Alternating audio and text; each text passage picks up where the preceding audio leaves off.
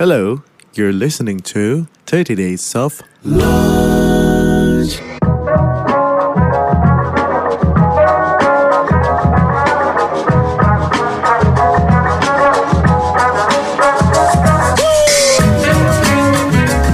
Segala bentuk security breach di dunia blockchain atau cryptocurrency itu sebetulnya karena ada pemberitaan yang fokusnya itu masih ke sana because ini adalah teknologi yang sifatnya masih cukup muda.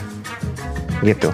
Tapi kalau sebenarnya lu mau bandingkan security breach antara ini terus kemudian dengan teknologi konvensional, lah sama aja sih menurut gue ya.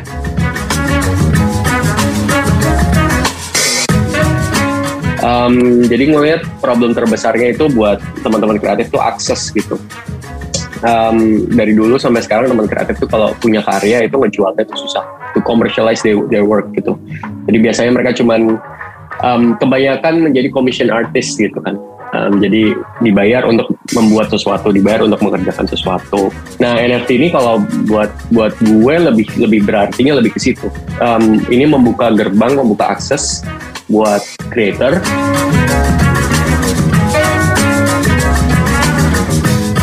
Hey guys, gue mau bagi-bagi info nih buat yang mungkin baru gajian. Sekarang setiap pembelian Lenovo Yoga Slim 7i bisa berkesempatan untuk mendapatkan promo GoPay sebesar 1.250.000. Well, emang harganya berapaan sih? Hanya 13 jutaan aja kalian udah dapat bundling sampai 3 tahun premium care, 3 tahun accidental damage protection, dan office home student loh. Nggak hanya itu, kalian juga bisa dapat kesempatan untuk mendapatkan emas dan laptop. Terus gimana kalau misalnya belum sempat pergi keluar? Tenang aja, kalian juga bisa dapetin Lenovo Yoga Slim 7i ini di official and authorized store Lenovo di e-tailer. Nah, khusus di Tokopedia bisa dapat tambahan 500 ribu cashback. Wait, jangan lupa, Periode ini hanya berlaku dari tanggal 1 sampai 13 Maret 2022 ya. Siapa coba yang gak tertarik beli laptop tapi hadiahnya banyak banget. Makanya segera check out mumpung masih tanggal muda.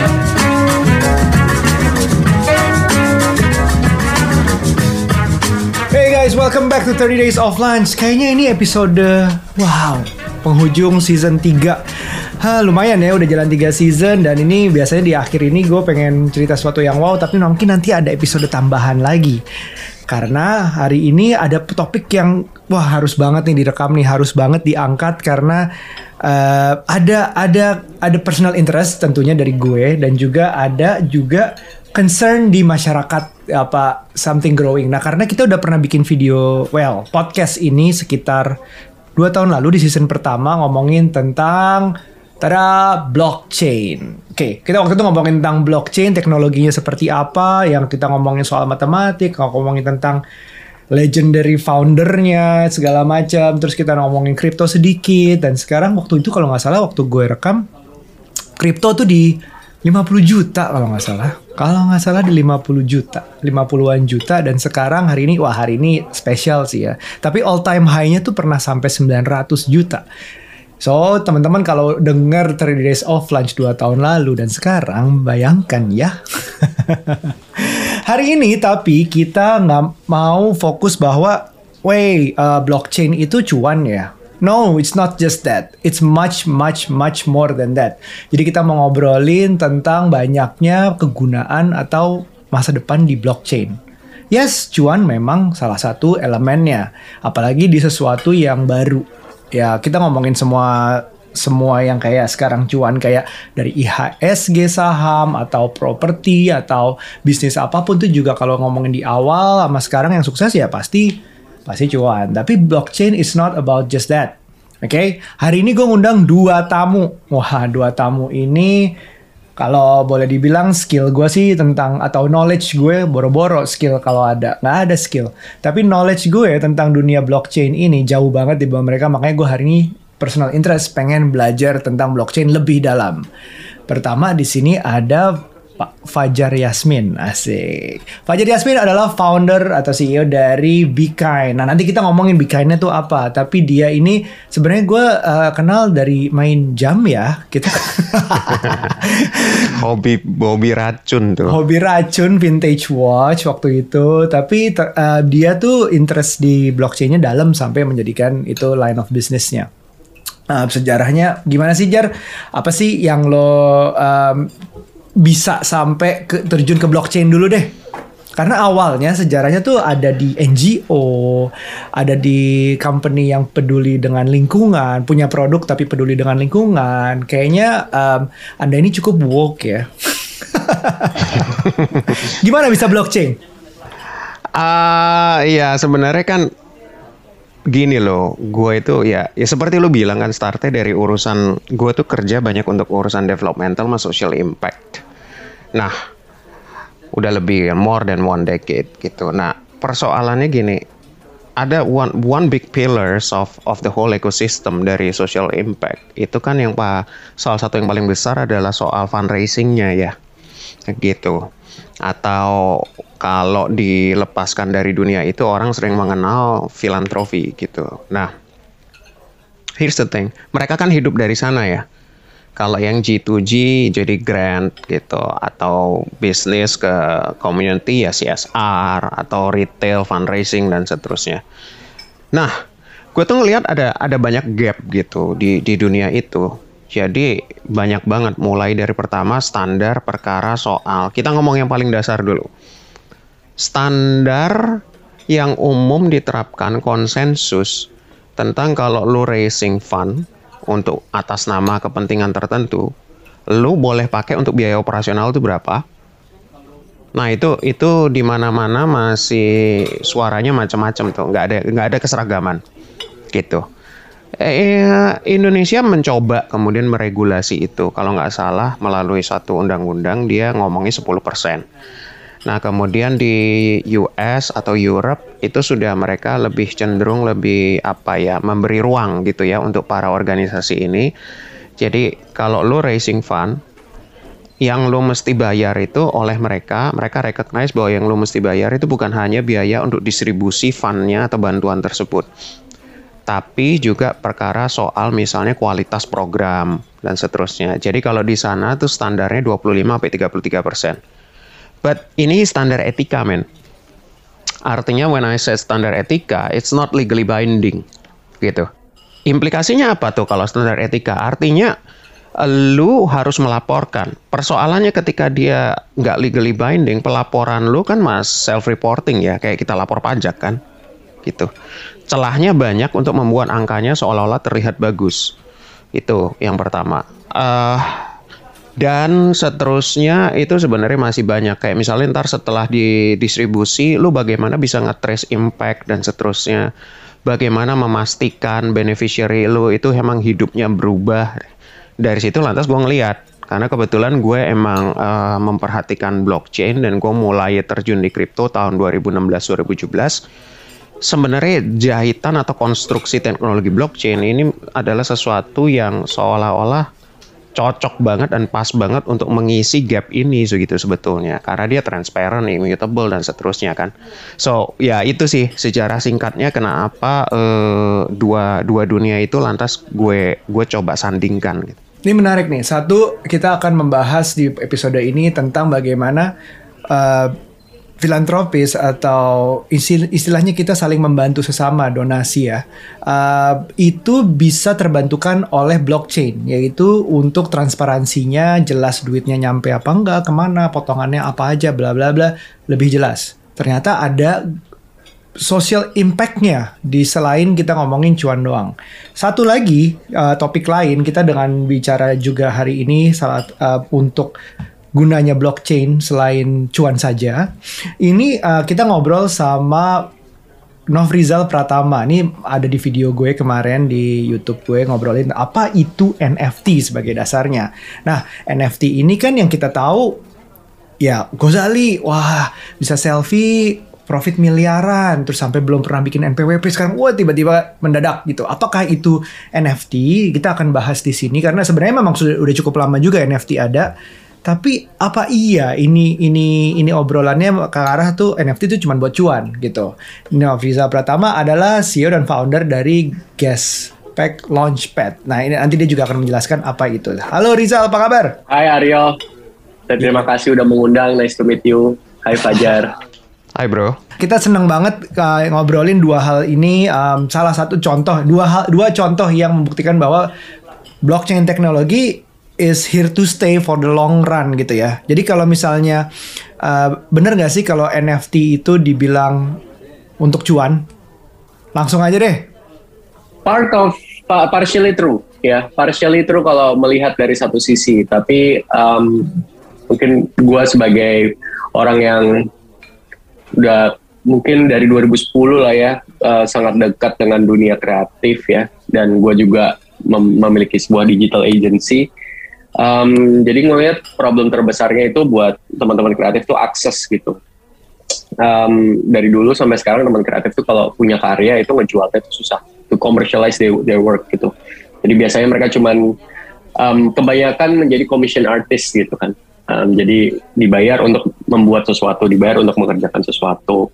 Tidak salah, tapi juga akhirnya biasanya mereka biasanya jadi malah jadi tukang jahit instead of jadi creator gitu. Makna sebenarnya. Nah NFT ini kalau buat buat gue lebih lebih berartinya lebih ke situ. Um, ini membuka gerbang, membuka akses buat creator terutama gitu ya untuk bisa komersialisasi karyanya ke masyarakat luas bahkan ke global market dan buat global market atau orang-orang kayak kita sebagai penikmat um, karya gitu ya itu bisa mengakses juga directly to to the to the to the apa ya to the creator gitu. Hmm. Nah jadi sebenarnya kalau gua ngelihatnya NFT lebih ke, terhadap akses daripada daripada cuan Right. Jadi sebenarnya um, berangkat dua-duanya juga dari keresahan ya. Keresahan yang pertama kalau bikin mungkin pendeknya adalah keresahan duitnya nyampe nggak sih ke yang mau disumbangin gitu dan nyampe nya berapa gitu. Kalau NFT adalah ini buat kreator setelah jual produknya sekali tetap uh, ada masukan gak sih? Pemasukan gak sih? Apakah misalnya gue jual putus sekali satu lukisan zaman dulu kan terus sudah selesai nggak dapat lagi. Jadi ada keresahan keresahan itu bahwa yang satu uh, sumbangan tidak sampai misalnya atau tidak sampai sepenuhnya. Yang satu kreator tidak mendapatkan penghargaan yang sesuai dengan hasil kerjanya mereka. Uh, mungkin bisa menjelaskan siapa pun duluan sebenarnya kasus seperti apa sih yang mungkin pernah terjadi? Um, ini benar-benar nggak dapat kalau uh, dan bagaimana arahnya tuh actually bisa blockchain itu bisa memecahkan masalah ini gitu. Siapa pun silahkan. Kalau dari bentuk uh, Bikain mungkin donasi Oke, okay, uh, eh, gue mesti clarify dulu ya, Ar. Mungkin ada yang salah gue ya. Silakan, Enggak silakan. Juga, Enggak juga.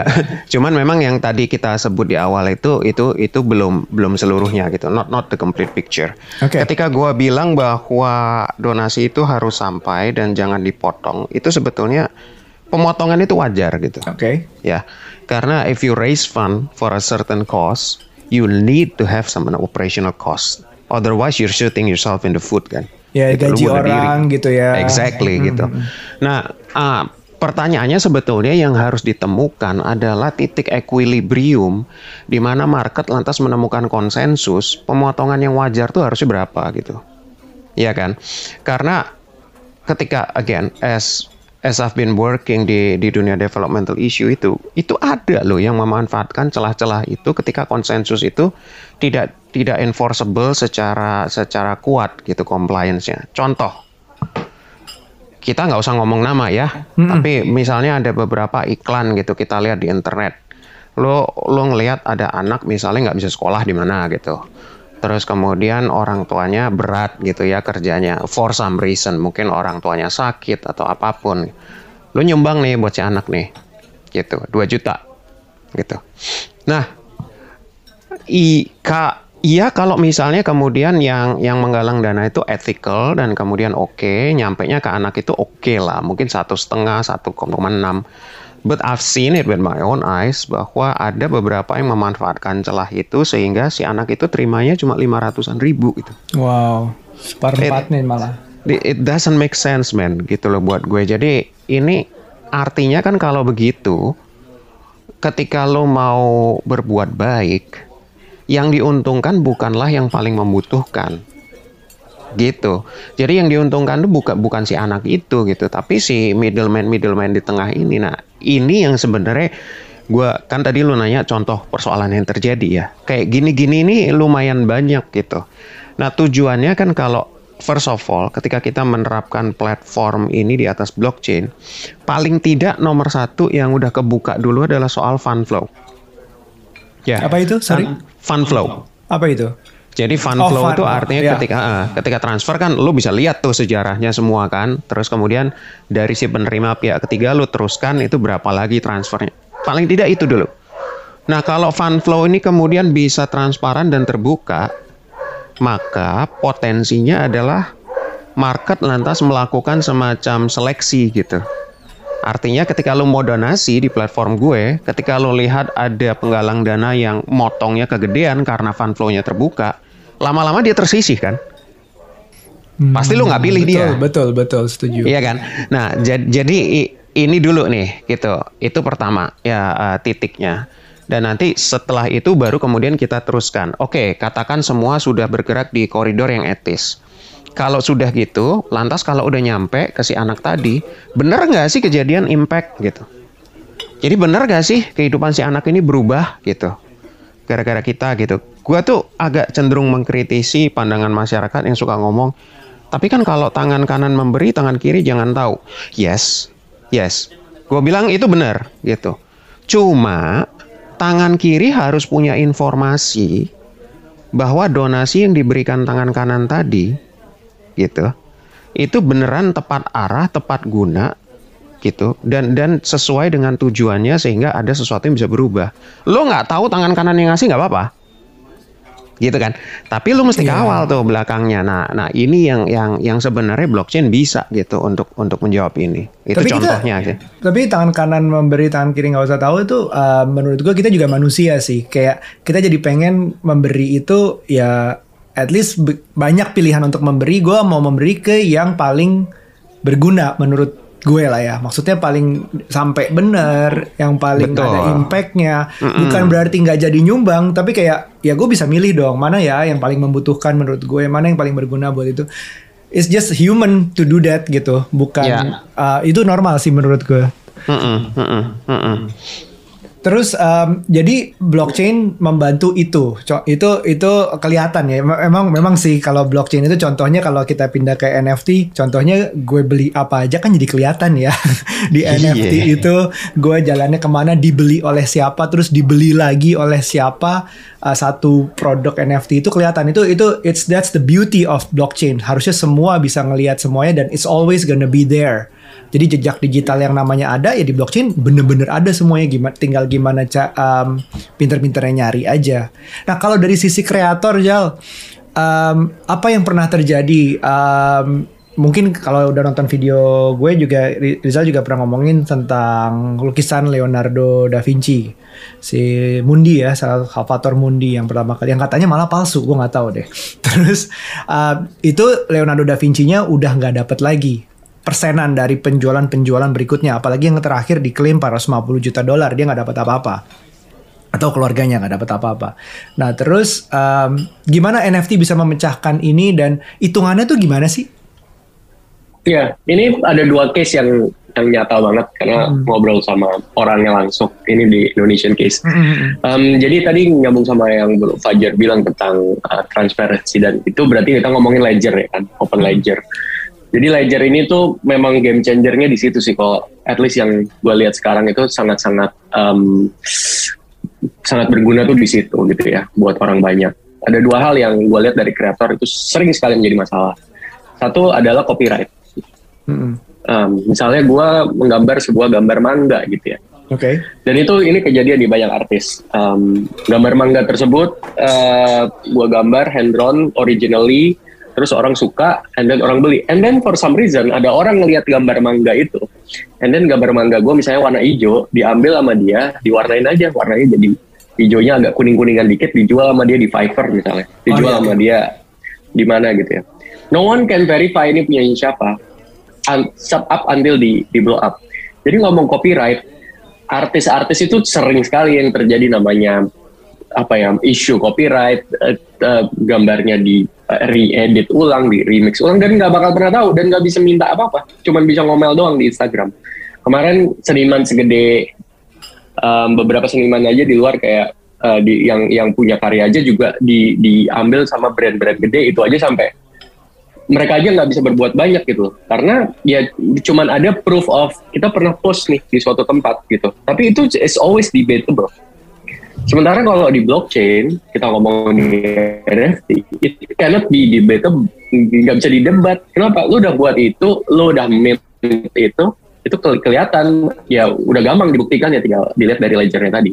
Mm. ya itu itu itu yang per- pertama copyright. Yang kedua gue ngobrol sama ya it's very big and um, the song is ada ada beberapa lagunya mereka yang bukan beberapa ya banyak lagunya mereka yang benar-benar didengarkan oleh seluruh rakyat Indonesia kelihatannya gitu ya. Um, dengan lagu sebesar itu tapi tahu nggak royalti yang dia dapat di akhir tahun tidak sampai 100 ribu rupiah. Gak sampai 100 ribu. band segede itu gitu ya bayangin. Dia sampai benar-benar kesel kayak gila gue bikin karya yang segini gede orang semua Indonesia tahu tapi royaltinya cuma sampai segitu. Uh, dibayarkan oleh sebuah badan um, kepala badan I can say badan royalti lah di Indonesia gitu ya.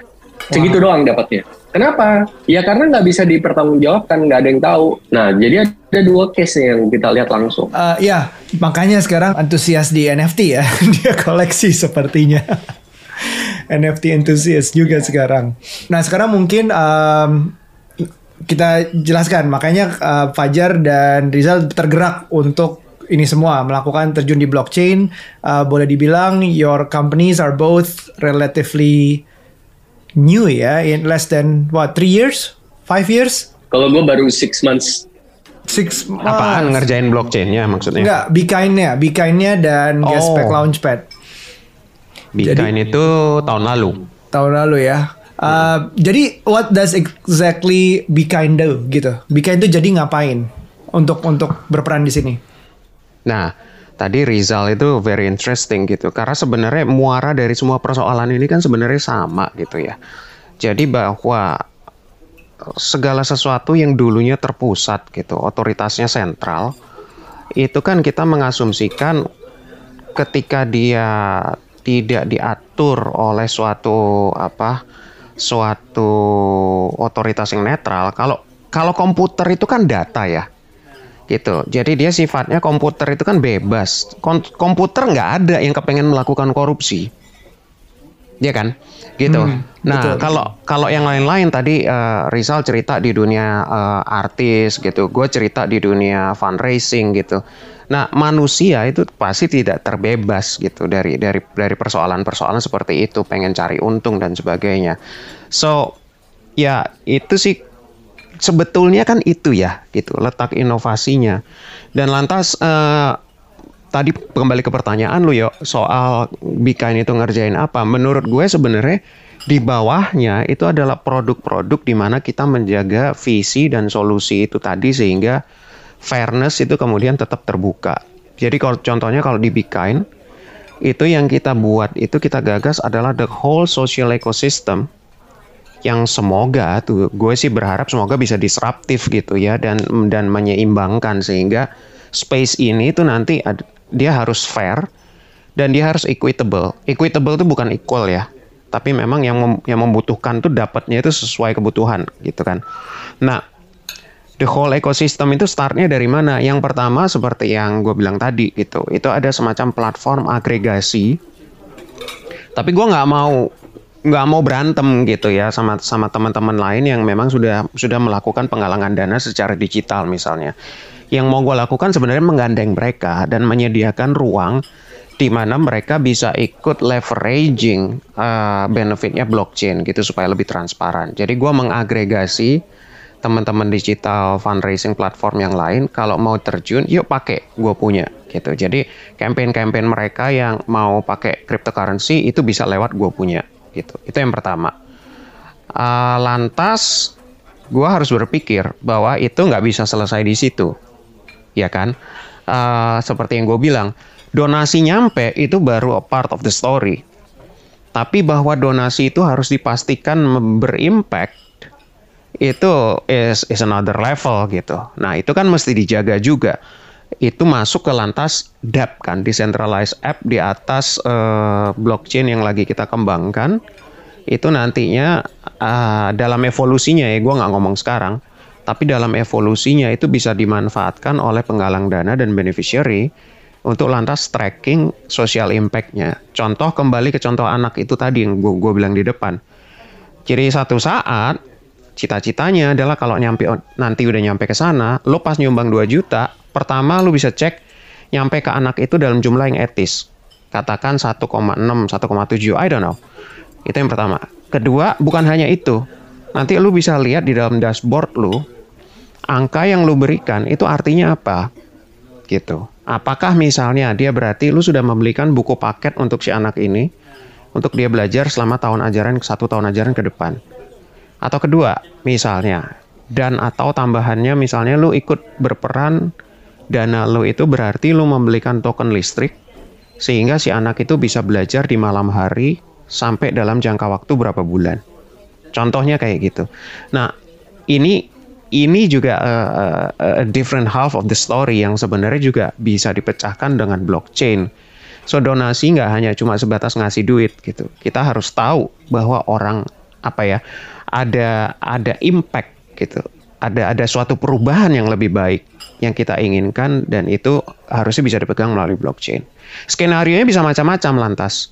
Produknya juga kita lagi mikir NFT gitu. Gue seneng hari ini kita ngundang Rizal habis ini gue dugaan gue adalah kita akan japri-japrian. Ya bro ya? Mantap. Kita, uh, kita lagi menggagas gitu uh, eh, NFT for good gitu. Tapi yang bukan hanya sifatnya campaign one time gitu tapi alih-alih mendesain suatu sistem di mana orang yang memanfaatkan NFT dan kemudian mau ikut berbuat baik itu lantas automatically lant, uh, royalty-nya itu lantas kita bisa rancang secara smart contract terbaginya tidak hanya di satu wallet gitu. Jadi udah langsung ada beneficiary-nya siapa, terus termasuk untuk kreatornya jelas. Itu itu itu kedua. Ketiga yang terakhir kita juga lagi exploring uh, membuat suatu sistem apa ya? Bukan sistem sih, tapi lebih kayak metaverse kecil gitu startnya. Kita akan kembangkan at scale. Karena gue gatel sih sebenarnya sih kalau ngomong ke lu berdua gitu ya. Gue gatel dengan uh, betapa orang memandang ekosistem blockchain sama cryptocurrency ini cuma buat ajang cuan. Ih itu dia. Makanya ada episode ini hari ini. Penting iya nih. gitu kayak misalnya lu ngomong metaverse deh lu yang rame itu sekarang apa Play harga saham Facebook turun oh rame harga saham Facebook turun oke okay. Terus metaverse-nya sendiri ngomongnya play to earn yang dijual kan? Play to earn, iya P2E. Play to earn, which is okay, it's not bad. Gua nggak bilang itu bad. Cuma maksud gue kita hidup mau sampai kapan ya kalau cuma mikirin gitu doang gitu loh. Dan mereka-mereka exactly right dan mereka-mereka yang di awal itu memang bikin ekosistem ini. Come on, you guys sudah udah kaya kok. Da dari awal tuh lu udah, udah kaya gitu loh. Iya, yang bikin yang udah kaya ya udah Betul. kaya gitu. Ketika Betul. lu bikin ini terus iming-imingnya begitu lagi, kan yang lu makan adalah orang-orang yang belum kaya. Where's the sense in that? The nah, greater full theory. Nah, yang gua pengen bikin itu nanti sebenarnya bukan play to earn tapi play to care. Wow, nice, nice. Term. Jadi ketika lu main, kita akan uh, tetap ada skenario gameplay di situ dan tetap memang ada semacam in-game currency di mana lu dapat reward. Betul. Tapi ada bagian gitu ya a, a certain percentage of it itu yang nanti sudah sudah automatically akan ter terambil gitu ya tentunya lo harus sepakat ketika lo join kita diasumsikan bahwa lo sepakat gitu ada user agreement begitu masuk nanti ada yang sebagian. Itu emang udah terdistribute. Ke siapa aja itu? Ya ke mereka yang menggunakan platform kita untuk uh, raising fund. Dan bagian itu pun itu tidak luput dari nanti kita apply impact tracking tadi yang gue ceritain. Nah jadi kayak gitu-gitu sih produk contoh-contoh oh. produknya. Menurut gue ini uh, you open up a new a new world sebenarnya uh, metaverse lo sendiri dalam caring to others gitu menurut gue. Dan juga uh, ini berarti just to clarify uh, teman-teman kalau yang nanti akhirnya mau berpartisipasi di Bikain berarti akan ada token sendiri ya. Sudah ada. Ada token sendiri yang sudah ada bisa dilakukan untuk menjalani kehidupan blockchain yang lebih apa ya lebih sustainable, lebih bertanggung jawab, lebih care ke banyak orang. Entah itu untuk uh, berbagi dan yang ke track dan juga dapat impact plus juga untuk uh, terus sustain artinya lu terus berbagi terus terus um, ada play to care tadi itu itu gede sih bisa bisa bisa wah bisa bisa banget jadi suatu yang Nah, baru cara kita Konsepnya ber- gini bro. Ah, Gua gua tuh nanya sama anak gue. Sorry ya nih kalau gua hawking bandwidth, ntar lu edit aja. ah, masalahnya ba- bandwidth gue yang unstable gitu ya gue yang ah, gemes banget di sini Jadi gini, waktu itu anak gue itu kita kita pergi gitu ya, kita liburan gitu ke, ke luar negeri lah satu tempat. Di di sana itu banyak homeless gitu. oke Orang yang hidup di jalan. Anak gue itu dia punya alokasi uang saku untuk digunakan liburan. Kita kasih. Itu banyak kan habis itu buat ngasih duit ke homeless itu. Nah, gue gue sih bangga ya gitu. Cuman terus gue tanya kan sama dia, lah terus lu sebenarnya jajannya gimana gitu pas libur? Kalau duit lu yang kita udah set untuk ini kemudian lu habisin, iya benar juga ya Dad. Gue I I haven't thought of it. Nah terus pas lucunya adalah ketika gue cerita ekosistem apa game gitu ya metaverse, dia tuh ngertinya cepet. Dan kemarin satu saat dia tiba-tiba ngomong ke gue, wah ini dia jawabannya dari yang waktu itu, Daddy. Dia bilang, what? I don't understand what you're trying to say. Gini, by playing this gitu ya, terus kemudian gue muter-muter dan misalnya terus nanti gue dapat in-game currency-nya, terus gue farming lagi, gue staking. What I would have adalah semacam kayak dompet tabungan kekal yang dia menghasilkan yield dan yieldnya itu nanti yang kemudian untuk gue nyumbang terus. Jadi gue nggak perlu makan budget uang saku gue. right Jadi kayak passive income tapi buat buat social impact gitu. Oh Sus- iya bener ya iya, gitu. Iya, iya, iya. Sustainable care ya. Wah, keren juga tuh. Lu punya tetap- mesin untuk tetap itu. hidup, tetap uh, bisa berbagi juga, tetap bisa makan sendiri juga. Nah ini kalau kita gabungkan ke Gaspec Launchpad. Jadi tadi kan katanya udah mau ngobrol nih, tapi sebelum kalian ngobrol secara pribadi, dibuka dulu nih di sini 3 Days of Lunch. Um, Nggak usah uang denger lah, kita mau ilmu denger. So you heard it first gitu ya. I, we- you heard it first you guys kalau ada apa-apa antara mereka di Three Days of Lunch nih kejadian nih. Nah, Gaspec Launchpad sendiri, what does it do? Mungkin teman-teman di sini butuh diceritain. Jawaban dulu. utamanya tuh to democratize ya. Itu mungkin yang paling kita coba um, perjuangkan ya. Jadi kita tadi um, as I say di awal membuka akses sebesar-besarnya buat buat creator and market to to to, to apa ya untuk untuk benar-benar bisa bisa menghargai karya dengan sebenar-benarnya dan buat um, market juga punya akses yang langsung ya, ke terhadap kreator dan karena gini kalau gue tuh premisnya selalu ngomong gini dari dulu.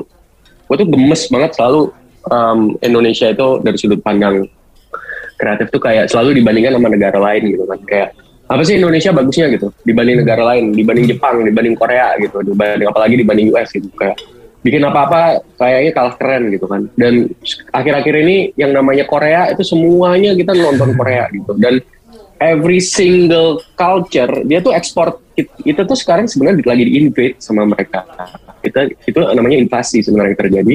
Ya, tapi invasi budaya sebenarnya. Bayangin aja dulu kita kagak kenal sama kimchi sekarang makan kimchi kayak eh, makan kimchi gitu.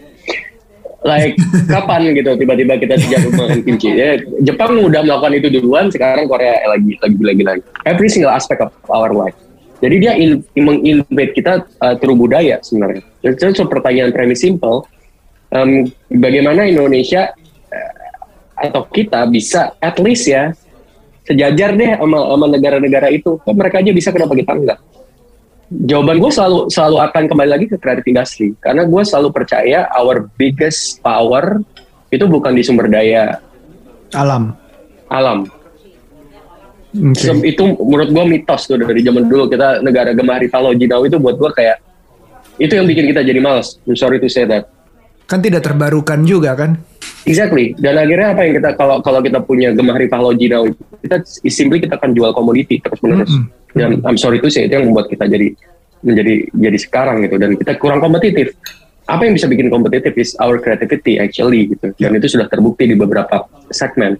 Nah sekarang tiba-tiba ada sebuah avenue yang memungkinkan kita atau kreator-kreator muda, siapa pun itu kreator muda, tua segala macam, to compete with them directly, head on, tanpa perlu ada massive public publication publishing stuff yang yang yang gede bangun sebuah HBO tanpa perlu lo membangun sebuah Disney gitu. You can directly compete with them uh, your Hmm. creativity versus their creativity.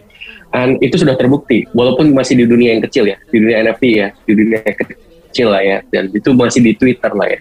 A lot of Indonesian creators itu highly regarded di di space. Dan gue ngerasa um, it is it is the time to step buat buat ngasih mereka akses segede-gedenya to scale. Kreator ini bisa bikin zero to one tuh bisa jago mereka. Tapi when we're talking about one to one to one hundred, one to one thousand, to ten thousand, itu akan akan akan menjadi another headache dan how abis itu gimana caranya mereka maintain um, apa yang mereka buat gitu. So we're talking not only about one shot, we're talking also about more about sustainability bisnisnya supaya jalan terus supaya sustain. Kreator yang tadinya hidup dengan disuruh orang untuk bikin for longer period. So that's basically our mission. We, we are helping them to do to do that. Walaupun memang disayangkan tadi gue nyambung dikit sama apa yang disimak bro bro Fajar sama bro Ariel juga. Semua orang itu ngomong ini konteksnya selalu cuan. Hmm. Itu tuh itu tuh sangat berbahaya konteksnya karena selalu dianggap is all about short termism, is all about cash grab. Well, um, masyarakat kita itu harus diedukasi dulu. Ini tuh highly volatile asset and if you want to to buy a coin, you have to be ready of the volatility. Hence, it can be to the moon, but it's al- also can be to the ground kan gitu, Yeah, yeah. from from the get go. Jadi kalau edukasi itu belum sampai, tapi kita sudah jualan cuan-cuan-cuan, what's gonna hap- happen? Semua orang berpikir is only about spekulatif aset. Padahal tadi basicnya ini tuh bukan tentang spekulatif aset, ini tuh lebih tentang uh, membuka akses besar-besarnya yang aman dan transparan gitu. Ya. Habis itu those aset kalau value-nya makin nambah, value-nya makin bernilai, at some point memang jadi cuan gitu kan. Makanya gue gue gue oke oke aja dengan cuan, tapi sudut pandang cuannya yang mana Ya, ya. gitu. Will- nah itu yang itu yang lagi lagi gue coba banget sih di company gue untuk mencapai hal itu. We'll get to that. Uh, mungkin untuk lebih menjelaskan secara detail, uh, Gaspek Launchpad ya, kan bikin um, kalau nggak salah, you help creators das teknisnya ya, probably one of it adalah you help creators to make NFT. Um, correct me if I'm wrong, ada beberapa di portfolio seperti Soul Cops, seperti uh, Good Society. Um, jadi teknisnya bener nggak nih kalau misalnya, eh gue mau bikin NFT, gue mau gue punya karya, gue punya banyak nih, gue pelukis, gue penyanyi segala macam, but I don't feel sustainable so far. Uh, gue misalnya lagunya nggak pernah dapat royalty, do- then he can come to you to create that, membuka akses yang lo sebut tadi itu ya. True, true. Karena um, artis tuh ya atau creator ya fokuslah untuk membuat karyanya. Tapi uh, you need help untuk membangun community-nya. You need help to to sell your product. You need help to uh, to polish your product gitu, to communicate your product. Itu kan butuh bantuan gitu kan. Dan uh, artis nggak punya banyak waktu untuk melakukan itu. So kit- mereka biar fokus aja to create karyanya sebagus mungkin gitu. We we help to do the rest, es- especially also the technical part juga gitu kan. Teknya nggak gampang. Ya kalau ngomong blockchain ya Fajar pasti tahu yang namanya developer blockchain itu kayak nyari Dragon Ball gitu. Terbatas banget gitu. Cuma ada tujuh Iya. dong. Udah ketahuan. Iya, udah ketahuan. Iya, bisa dibilang mungkin cuma tujuh kayak gitu. Sedikit banget dan, dan ya sangat susah carinya gitu.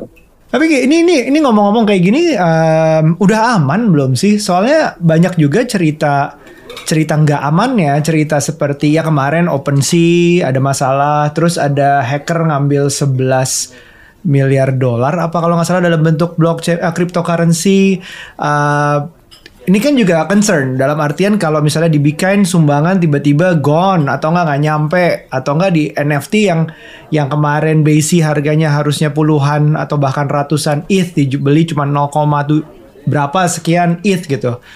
Gimana sih um, security karena it, we we we talking about centralized versus decentralized. Sekarang semuanya decentralized. Artinya nggak ada yang megang yang kuasa satu megang gitu. Eh, ini gimana masalah security? Masih ada kejadian seperti itu dan ke depannya apa yang bisa diharapkan gitu? Biar orang lebih banyak nyumbang, lebih percaya beli NFT kreator membantu mendukung kreator tertentu itu gimana anyone silahkan. Anyway, um, ya sebenarnya sih gue lihat kita memandangnya sebenarnya kita mesti punya punya view yang holistik sih sebenarnya. Uh, to me, segala bentuk security breach di dunia blockchain atau cryptocurrency itu sebetulnya karena ada pemberitaan yang fokusnya itu masih ke sana because ini adalah teknologi yang sifatnya masih cukup muda. Gitu. Tapi kalau sebenarnya lu mau bandingkan security breach antara ini terus kemudian dengan teknologi konvensional, lah sama aja sih menurut gue ya. And and I do think bahkan itu sebenarnya uh, akan lebih rame kalau kita menelusuri berita-berita itu di teknologi yang sifatnya konvensional. Cuma kan untuk ekosistem mereka itu is no longer news man iya kan Itu itu nggak kebuka lagi gitu. Karena orang udah bosen gitu dengar cerita di hack lewat WA pura-pura jadi kasir minimarket minta OTP it's all the same. It's all the same. Yang seperti contohnya kayak OpenSea itu. Itu sebenarnya kan phishing hack gitu. Dia dia ngirim email terus kemudian di email itu ada pesan yang kemudian menggugah kita seolah-olah untuk untuk bertindak cepat gitu ya atas atas nggak tahu ada sesuatu. Biasalah modus-modus mereka. Ketika kita klik pesan itu berisi perintah ke dompet kita wallet kita untuk memberikan akses gitu sehingga mereka bisa mengambil kan gitu isinya. Nah kalau lo pikir kan sebenarnya itu modusnya sebenarnya sama persis Cuma sorotannya itu ke kita karena memang kita adalah teknologi yang uh, itu tadi muda gitu ya sehingga sehingga dipandang oke okay, risikonya masih gede. But the way I see it itu sebenarnya risikonya sama gitu. But to your point about centralized sama decentralized itu gue harus concede gitu bahwa bedanya dengan sebuah ekosistem yang centralized adalah supposedly kalau ada ekosistem yang centralized, kalau ada bridge kayak gitu, harusnya mereka memberikan satu level jaminan tertentu. Ya, yang kemudian lantas memberikan misalnya penggantian kerugian dalam titik tertentu. Itu kalau centralized. Tapi gue mau tanya ulang, gue mau cek ulang. Asumsi itu sebetulnya kejadian nyata kemudian bisa benar-benar kalau misalnya ada sesuatu diganti, itu seberapa sering? Ini kita ngomong Lo, Indonesia aja ya atau iya. seluruh dunia? Ha-ha. Eh, di mana-mana sih sebenarnya. Tapi Indonesia contoh yang paling gampang. Lo parkir helm lo hilang. Ya betul betul. Ya centralized kan. Uh, itu ya otoritasnya di pengelola parkir tersebut gitu. Tapi nggak tanggung jawab. Exactly. Eh, sama aja gitu loh. Jadi uh, eh, gue kadang-kadang ngelihat, uh, oke, okay, is is this really a thing? Apa is this ini? Beda gitu ya. Nah kalau titiknya masih seperti yang kayak kemarin, gue melihat itu itu bisa terjadi di mana aja gitu. It, itu. Oke, okay, Riza mau nambahin nah, ada angle lain? Saya nambahin dikit. Mm-hmm. Karena karena the, the news itu masih driven by greed, and whenever yes. greed masih sangat bermain di situ, sorotan pasti akan nongol di situ dan people who are trying to to to hack to scam ya pasti juga akan kelihatan gitu ya. Tapi baik lagi gue tiap hari masih dapat tuh sms sms apa nggak jelas. Sampai yeah, hari yeah, ini. yeah. kayaknya itu udah dari sepuluh dua, dua, dua dari pertama kita punya handphone tuh ya ada sekarang malah makin marak nggak bakal makin hilang. Jadi phishing tapi karena kita udah terbiasa jadi kita udah tahu ah, ini tipuan. Nah sementara karena di dunia baru masih orang banyak tergoda karena balik lagi masih diberikan by greed oh kayaknya gue dapat sesuatu gratis nih. Dan itu sering terjadi, either itu di Discord atau di Twitter. Dengan cara yang sama persis, DM, nanti saya mau menawarkan ini, tapi tolong masukkan ini, ini, ini. Padahal pas dibuka itu ternyata seed phrase walletnya, walletnya diambil. Ya, betul. Yang nggak bisa ngapa-ngapain, salah sendiri. Cuman memang beda, beda utamanya itu balik lagi. Sesimpel gini, kalau ada apa-apa di decentralized, kita tuh nggak bisa kontak customer service. Iya. yes. Tapi kan bukannya decentralized blockchain itu semuanya uh, terpampang nyata jadi kayak um, yeah. ada ada recordnya ke mana aja itu. Itu nggak bisa dicari ya. Bedanya sama sama centralized lah. Kalau misalnya harus lewat polisi, harus harus apa, harus apa. Kalau di centralized bukannya kelihatan tuh jejaknya. Seperti lu bilang ya, ada upaya-upaya dari dari dari segerombolan orang yang memang concern soal ini gitu kan. Jadi ketika biasanya ada bridge yang skalanya cukup gede, mereka kemudian rame-rame marking wallet yang mengambil itu gitu. Uh, ya, itu betul. Jadi bisa di mark. Cuma masalahnya kan uh, mengetahui satu wallet address itu tidak serta merta kita mengetahui the real identity di belakangnya siapa. Ah, gitu.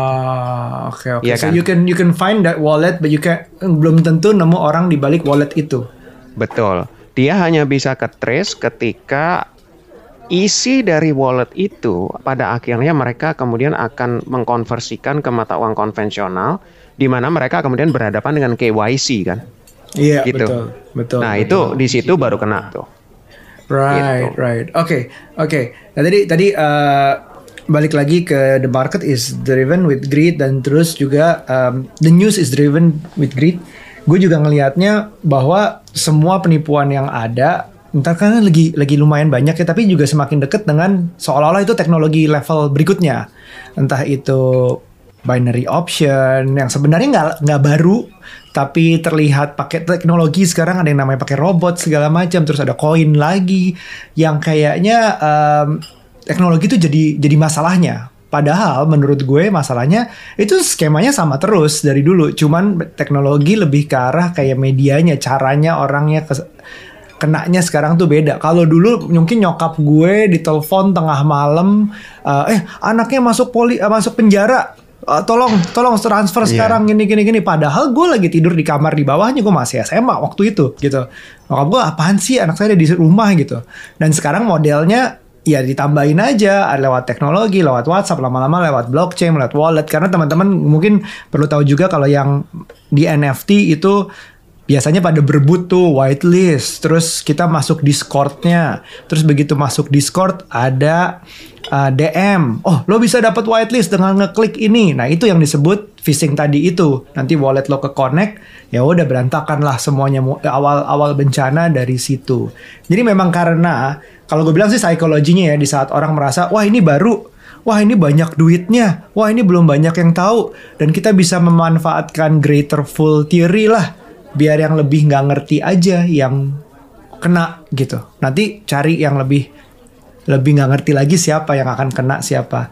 Itu yang lebih um, concerning sih maksudnya di dalam dunia di dalam dunia ini sekarang karena merasa sesuatu yang baru, sesuatu yang ini beritanya semua keluar tuh ya Gozali profit terus um, segampang itu gue bisa dong selfie ratusan selfie gue dijual jadi gue bisa dong tinggal bikin gambar apa aja gue upload akibatnya lucunya di OpenSea juga banyak yang upload KTP lah kartu keluarga lah uh, foto anak lah pokoknya yang yang segala macam aneh-aneh itu gitu jadi kita di sini tujuannya sebenarnya um, pengen ngobrol ke teman-teman yang dengerin bahwa blockchain is is an amazing technology.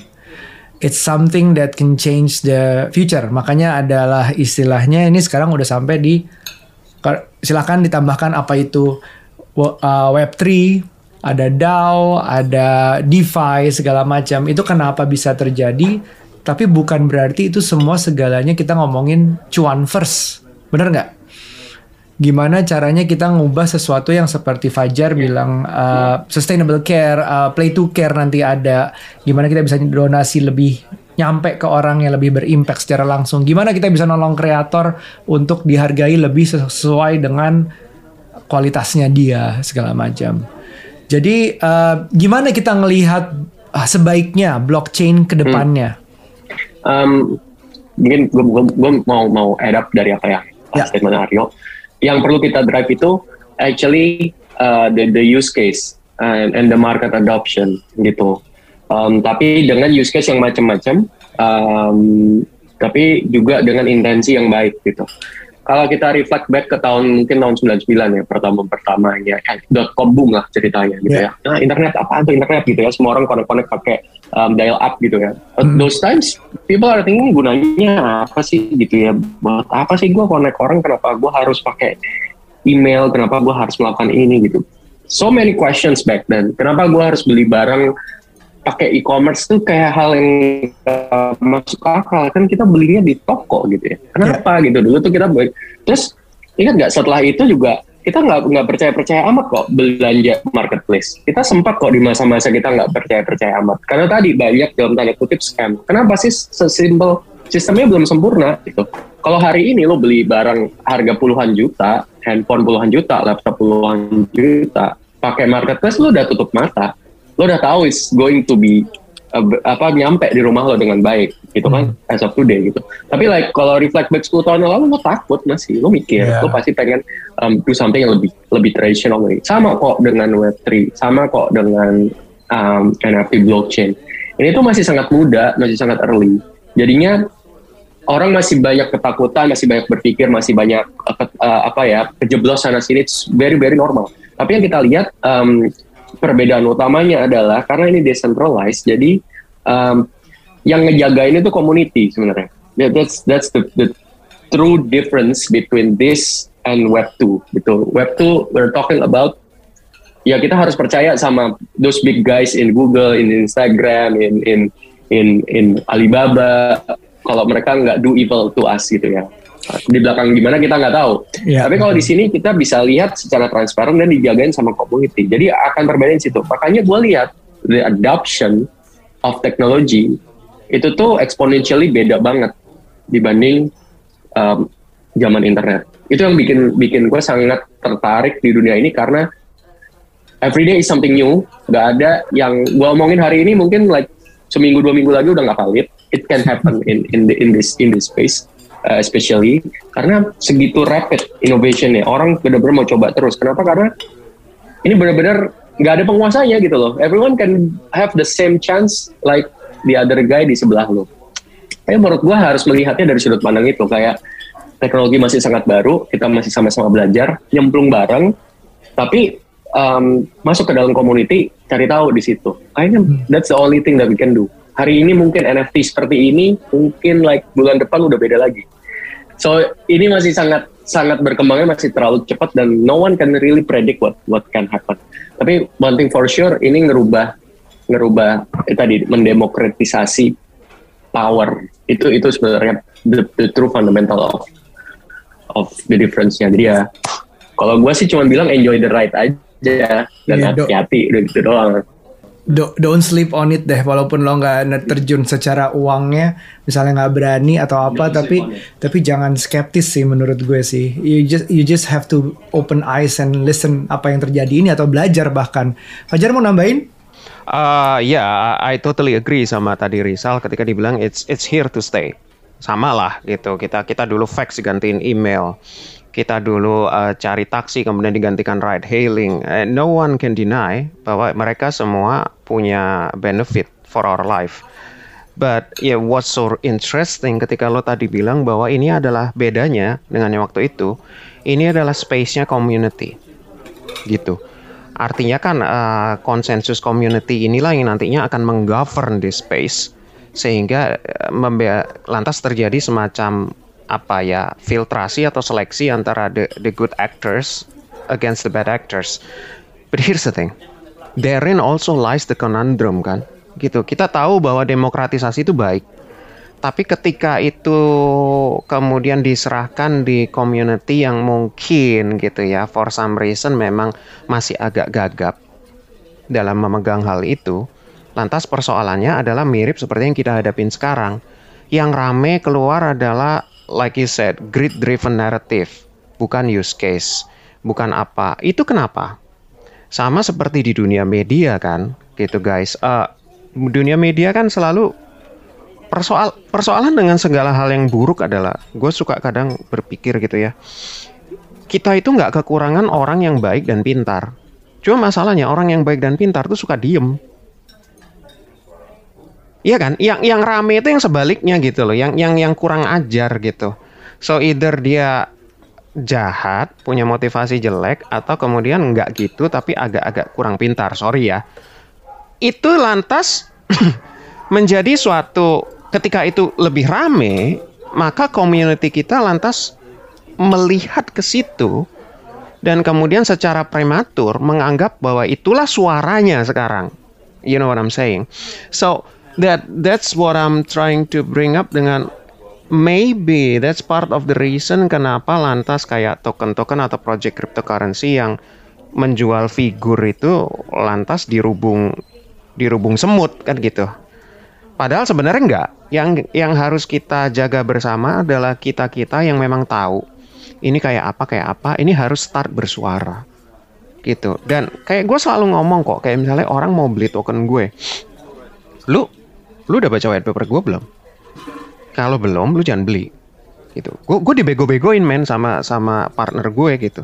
Tapi ya ya buat gue itulah nafas blockchain ya kita nggak boleh gitu uh, bergeser dari situ. Orang mesti diajak untuk membedah itu dan dan mengedukasi diri sendiri. Kalau nggak, space ini akan lebih disesaki oleh orang-orang yang tadi uh, greed driven dan sebagainya gitu. It's, so it's what I'm trying to say adalah it's it's our common job gitu. Ini bayi kita bersama yang kita mesti jagain. Ya, setuju. Um, kita mau ngomongin segala macam bentuk kripto itu pasti cuan, um, NFT beli ini biar nggak FOMO segala macam untuk demi cuan demi cuan semua dapat miliaran.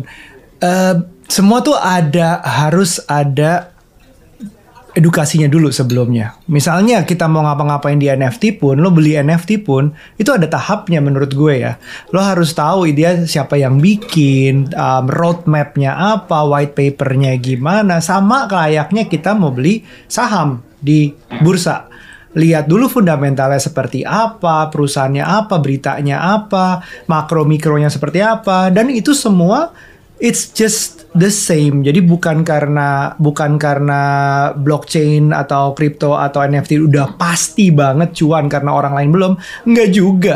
Enggak juga. Itu turunnya juga wow banget gitu loh kalau misalnya you don't do your homework gitu. Terus gue juga ngelihatnya kalau ini juga semua ya kalau kita memang grid driven, kalau kita memang nggak ngelakuin PR dulu, nggak usah ngomongin blockchain, lu bisa kena di mana aja sih. Nggak usah bentuknya hmm. itu blockchain, nggak usah bentuknya itu crypto atau NFT, uh, eh, bisa kena di mana aja. Jadi ada tahapnya. Harus juga satu lagi disesuaikan dengan kita.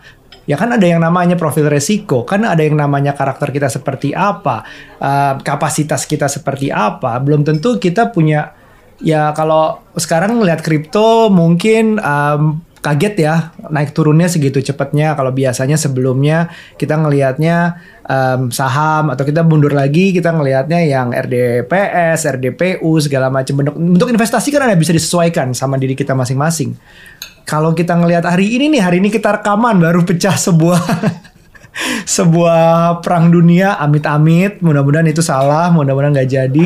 Tapi itu ngaruh ke mana-mana gitu. If you don't if you don't do homework if you don't read if you don't know things itu yang susah. Jadi balik lagi dasarnya blockchain ini juga banyak harus dipelajari. Jangan sampai kita tidur tinggal ah skeptis juga salah gitu. Skeptis ah ini cuman bubble. Ah ini ah ini nggak mungkin. You cannot say that without learning about it gitu. Jadi um, Fajar, Rizal ini adalah dua contoh yang menurut gue uh, udah siap banget, terjun banget di dunia blockchain. Bukan demi cuannya tok, walaupun cuan itu selalu penting untuk sustainable, tapi uh, banyak banget ternyata dunia yang terbuka gitu menurut gue kalau ini dipelajari banyak banget. Kita belum ngomongin gamingnya seperti apa. Kita belum ngomongin nanti metaverse-nya seperti apa gitu. Bukan cuman yang dilihat di yang saat diluncurkan Meta doang gitu. Jadi masih banyak banget sih menurut gue uh, perkembangannya. So it's between you. Uh, it's it's on you sebenarnya kalian yang dengerin ini semua tergantung kalian. Do you wanna sleep on it? Do you wanna learn about it? Uh, do you wanna jump in with wholehearted semua uh, jiwa ragamu it's on you gitu. Semoga podcast ini uh, kita udah sejam ngobrol tentang blockchain. Uh, jangan lupa belajar lagi tentang Beacon itu seperti apa, belajar lagi tentang Gaspack Launchpad dan segala macam karyanya dan NFT-nya. Um, akan ada apa aja diperdalam sendiri, tahu sendiri white paper itu apa, roadmap itu apa. Itu it's a it's a new world deh. So don't sleep on it. Oke, okay? thank you Fajar, thank you Rizal, uh, udah ngebantu thank banget. You, Semoga kita bisa bikin konten-konten lain yang lebih banyak yang bisa ngajak teman-teman ya, ngajak teman-teman untuk lihat blockchain ini something new, something great. Oke, okay? alright. Sampai ketemu di dunia yang sehat, yang kita bisa ketemu offline. siap, siap, siap.